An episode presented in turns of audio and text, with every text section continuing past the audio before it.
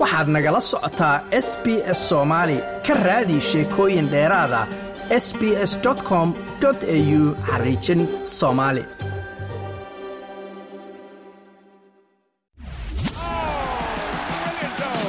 You're listening to the sounds of the World Cup on SBS Football.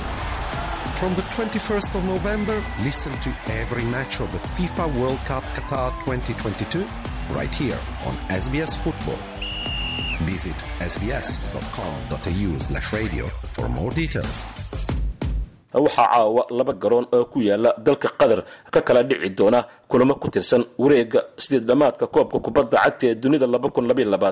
oo si xiise badan leh weli uga soconaya dalkaasi qatar waxaana tartanka hadda u dhexeeya ilaa iyo sideed xul oo ka soo gudbay wareega lix iyo tobanka kulamada caawa midka ugu horreeya waxa uu garoonka education stadium ku dhex mari doonaa. Xulalka brazil iyo croatia kuwa oo wareega lix iyo tobanka ka soo kala adkaaday. Xulalka korea republic iyo yabaan brazil waxay afar iyo hal ku soo garaaceen korea republic halka croatia ciyaar qaadatay boqol iyo labaatan daqiiqo gool iyo gool la isku mari waayey. Markii dambe ay goolkulaadyo kaga soo gudbeen xulka yabaan labada xul ee caawa kulmaya brazil iyo croatia oo qaaradaha latin america ee yurub iyagu ka kala socda ayaa marka isbarbardhig lagu sameeyo waxaa awood badan xulka brazil oo horey shan jeer ugu guulaystay koobkan kubadda cagta dunida. Hase yeeshee wax weliba ayaa laga filan karaa natiijada ugu dambaysa kulanka kale ee caawa waxaa garoonka lusal stadium ku ballansan xulalka netherland iyo argentina oo iyagu laftoodii ka kala socda qaaradaha yurub iyo koonfurta america waxaanay heerkan ku soo gaareen netherland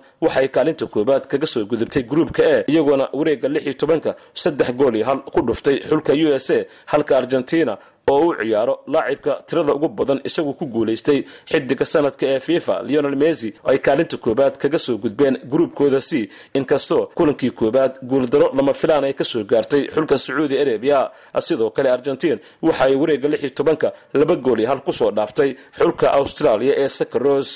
sidoo kale habeen dambe ayaa waxaa dhici doona kulamo kale oo wareega sideed dhammaadka ku tirsan xulka portugal. Waxa uu wajihi doonaa xulka morocco oo matalaya qaaradda africa islamarkaana meel ku soo tiiriyey xulkii awoodda badnaa ee sbain markii goolkulaadyo uu kaga badiyey waxaana xusid mudan in tobaraha xulka sbain louis enrique oo xilkaasi qabtay kii iminka xilka looga qaaday guuldaradaasi darteed. Morocco waxay garoonka alfomama iskeeni doonaan iyaga oo maanka ku haya in bortugiisku cashar lix gool iyo hal ay soo siiyeen xulkii switzerland awoodooda iyo nasiibkooda ayay sakaashan doonaan iyadoo haddii ay soo gudbaan taariikh u samayn doona qaaradda afrika iyo dalalka carabta oo aysan jirin. Horay xul samafaynalka soo tiigsaday laakiin kulanka kale habeen dambe indhaha lala raaci doono waxaa garoonka albayet ku ballansan difaacdayaasha koobkan ee faransa iyo xulka england oo wacdaro ku soo kala dhigay. Xulalka poland iyo senegal kulamada samafaynalka ayaa la kala ciyaari doonaa saddexiyo tobanka iyo afariyo tobanka bishan iyadoo labada xul ee laga badiyo kaalinta saddexaad ay ku tartami doonaan toddobiyo tobanka bishan. Halka kulanka kama dambaysta ahna siddeediyo tobanka bishan uu ka dhici doono garoonka lusaal oo labaatan kilomitir dhinaca waqooyi kaga beegan caasimada dooxa kaasi oo ay fadhiisan karaan taageerayaal gaaraya siddeed iyo siddeetan kun sagaal boqol lixdan iyo lix taageere